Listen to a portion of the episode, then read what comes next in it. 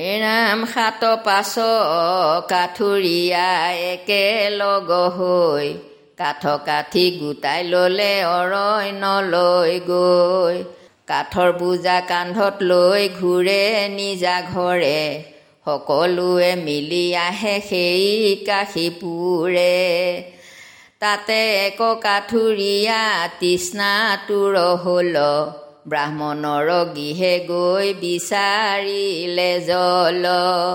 আচৰিত হ'ল দেখি কাঠুৰী সমাজ। দুদিনতে দৰিদ্ৰ দেখোন হ'ল মহাৰাজ। দেখে বিপ বহি আছে সত্যৰ সেৱনে। কৰজোৰে সোধে হব কাঠুৰী আগনে। এৰাম কোন দেৱতাৰ পূজা কৰিছে আগোসাই কেনেকৈ দুৰ্গতি তোমাৰ নাশ হৈ যায়?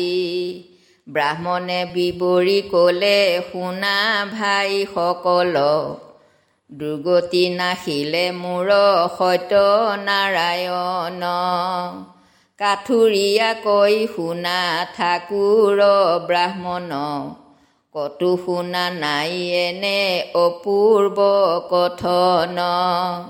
দৰিদ্ৰ ব্ৰাহ্মণে মাত্ৰ ভিক্ষা মাগি খাই। নাৰায়ণক পূজা কৰি ধনী হৈ যায়। গতিকে আমাৰ কথা শুনা ভাই হ'ব। আমিও কৰিম পূজা যেনেকৈ সম্ভৱ। সবে মিলি দৃঢ়ভাৱে কৰি ল'লে পন আজিৰ কাঠ বেচা মূল্য পূজাৰ কাৰণ। ভবামতে কাম বুলি কাঠুৰীয়া গোল। কাঠৰ বোজা তুলি কৰে হাতলৈ গমন। একো ভাৰ কাঠ বেচে দুগুণ মূল্যত। টকা পাই কাঠুৰীয়া নাচে আনন্দত। নাৰায়ণ সেৱাৰ দ্ৰব্য হ'ব কিনি ল'লে। নিজ গৃহে অভিমুখে গমন কৰিলে। ভাজাৰ আগত সবে পূজাৰ কথা কৈ আনন্দেৰে ভোগৰ সামগ্ৰী গোটাই লৈ। ইষ্টমিত্ৰ বন্ধু আৰু কুল পুৰোহিত। গৃহে গৃহে পূজা বুলি হ'ল নিমন্ত্ৰিত। সন্ধ্যাকালে যত দৈৱ কৰিলে স্থাপন। নাৰায়ণ কথা শুনে হৈ কমন।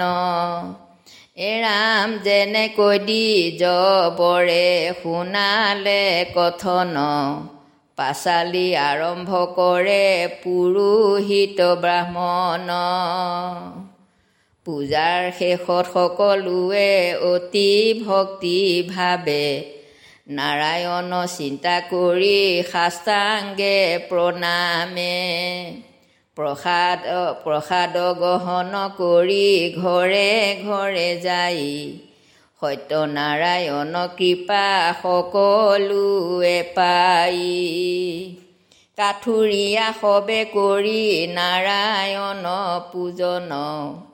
সত্যৰ কৃপাত লাভ কৰে বহু ধন।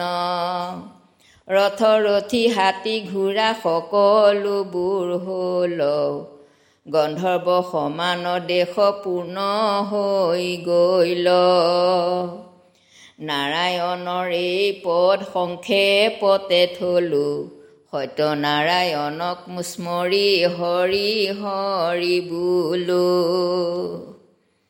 কাঠুৰীয়া কাহিনী ইয়াতে কৰি শেষ। এজন সাধুৰ আখ্যান শুনাহে বিশেষ। হৰি ৰাম ৰাম ৰাম। উল্কামুখ নামে এক নিপতি আছিল। নদীৰ তীৰত তেওঁ পূজা কৰিছিল। ৰজাই সৈন্য সবক সংগ কৰি ল'লে পুৰোহিত হৈ সত্য সেৱা আৰম্ভিলে। সেই সময়তে এক নৌকাও আহি পাই। মানুহৰ মাত শুনি নৌকা ৰখাই এৰাম সদাগৰে প্ৰশ্ন কৰে প্ৰতিজনে জন। কিহৰনো উৎসৱ সেই কাৰণো পূজন।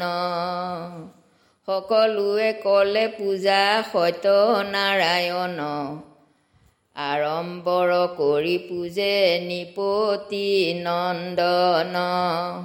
সদাগৰে বিচাৰিলে সত্য ততসাৰ এই পূজা কৰিলেনো কেনে উপকাৰ? সাধুৰ কাতৰ দেখি কয় নৰপতি সত্যৰ মহিমা কোৱা নাই যে শকতি। এৰাম পুতকে পুত পাই নিধনীয়ে ধন। অন্ধজনে চকু পাই বন্ধ বিমোচন। মনতে কামনা কৰি পূজে যে ইজন সকলো কামনা পূৰ্ণ কৰে নাৰায়ণ। এই কথা শুনি কয় সাধু সদাগৰ। মোৰো এক কামনাও আছে শুনানি পবৰ এৰাম পুত্ৰ কইনা মুৰগীহে কোনোৱে নাহিল। অপুত্ৰক অকিঞ্চন কপালে মিলিল। সেই সত্যৰ চৰণত কৰিলো বিনয়।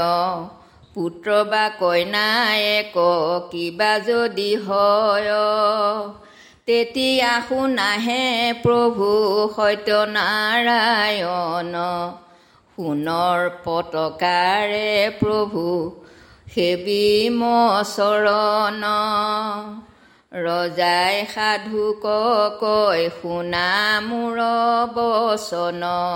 নাৰায়ণ সেৱা কৰা লভিবানন্দন কামনা কৰিলে সাধু সত্যৰ চৰণে। ঘূৰিলে নগৰ বুলি সতীষ্ণ নয়নে। এৰাম প্ৰসাদ গ্ৰহণ কৰে সাধুৱে কমনে। সত্যনাৰায়ণ কৃপা আশা কৰি মনে।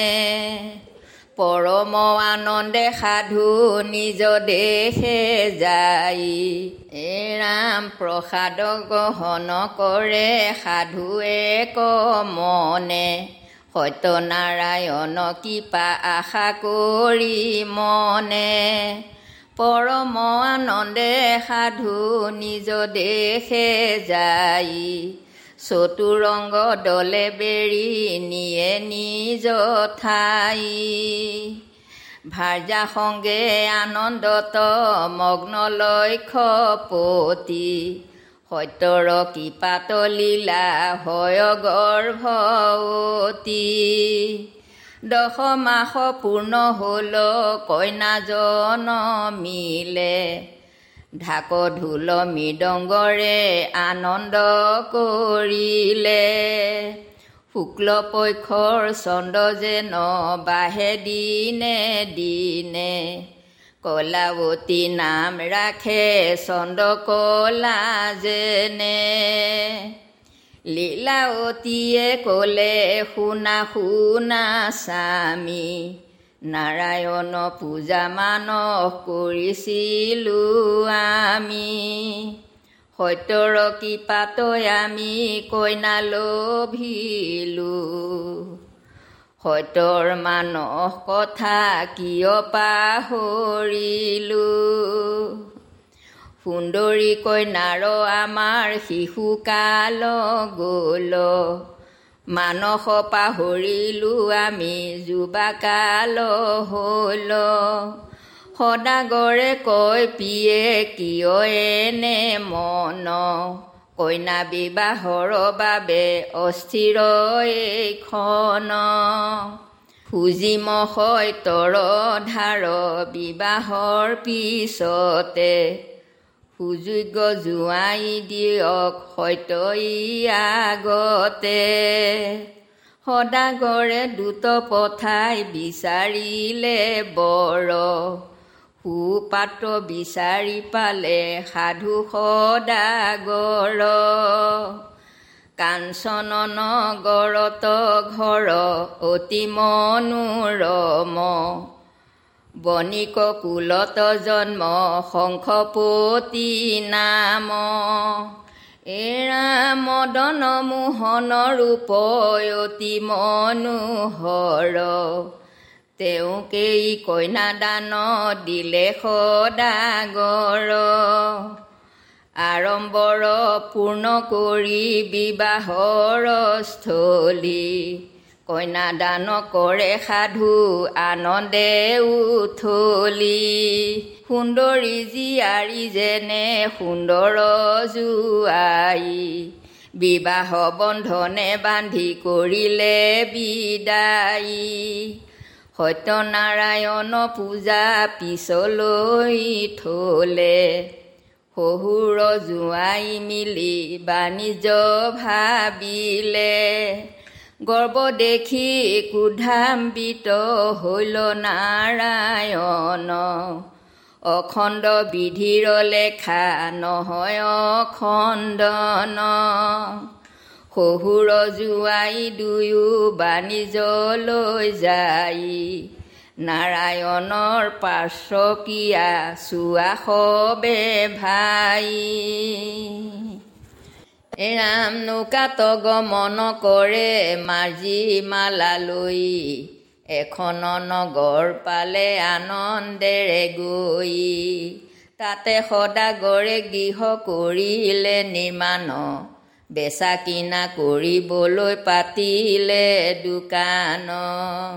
বেচা কিনা কৰি সাধু কৰিছে বেপাৰ। বিপদৰ লুকা ভাকু সত্যৰ বিচাৰ। সত্যনাৰায়ণে কচলনা কৰিলে ৰাজকোষ লুটিবলৈ চোৰক পঠালে। ৰাজ ভঁৰালত যত ধন সোণ আছিলে চোৰ কৰি সদাগৰৰ দোকানত বেচিলে। ৰজাৰ ভয়ত কপে যত ৰাখোৱাল। বজাৰে বজাৰে বস্তু বিচাৰি ওলাল। বিচাৰি বিচাৰি কতো চোৰক নাপাই। আৰ্তনাদ কৰি কান্দে সুমৰি সুখাই। এ ৰাম গোসাঁই স্মৰণ কৰি কান্দি কান্দি ৰয় আকাশী বচন শুনি আচৰিত হয় এৰাম কথাহে শুনিছে চাই একো নেদেখিলে। শুনা শুনা বুলি কয় সত্যনাৰায়ণে গোসাঁই স্মৰণ কৰি কান্দি কান্দি ৰয়। আকাশী বচন শুনি আচৰিত হয়। কথাহে শুনিছে চাই একো নেদেখিলে। শুনা শুনা বুলি কয় সত্যনাৰায়ণে সদাগৰে আহি এক পাতিলে দোকান। সেই দোকানতে পাবা চোৰৰ সন্ধান। আকাশী বচন মতে কাটোৱা লগনে সাধুৰ দোকানত গৈ চুৰি বস্তু পালে। শহুৰ জোঁৱাই দুয়ো ফান্দত পৰিল। ৰাজদৰবাৰত চোৰৰ দণ্ড মিলিল। বিচাৰণ কৰি ৰজাই আদেশ কৰিলে। যাৱত জীৱন বন্দী কৰিবলৈ দিলে। ৰজাৰ আদেশ পাই কাটোৱা লগনে। বন্দী কৰি ৰাখে চোৰ আনন্দিত মনে। সাধুৰ নৌকাৰ ধন সমস্ত লুটিলে। সত্যনাৰায়ণৰ কোপত দুয়োজন পৰিলে। বন্দী খালে কান্দে সাধু ফেকুৰি ফেকুৰি। সত্যনাৰায়ণ পিতে বোলা হৰি হৰি হৰি ৰাম।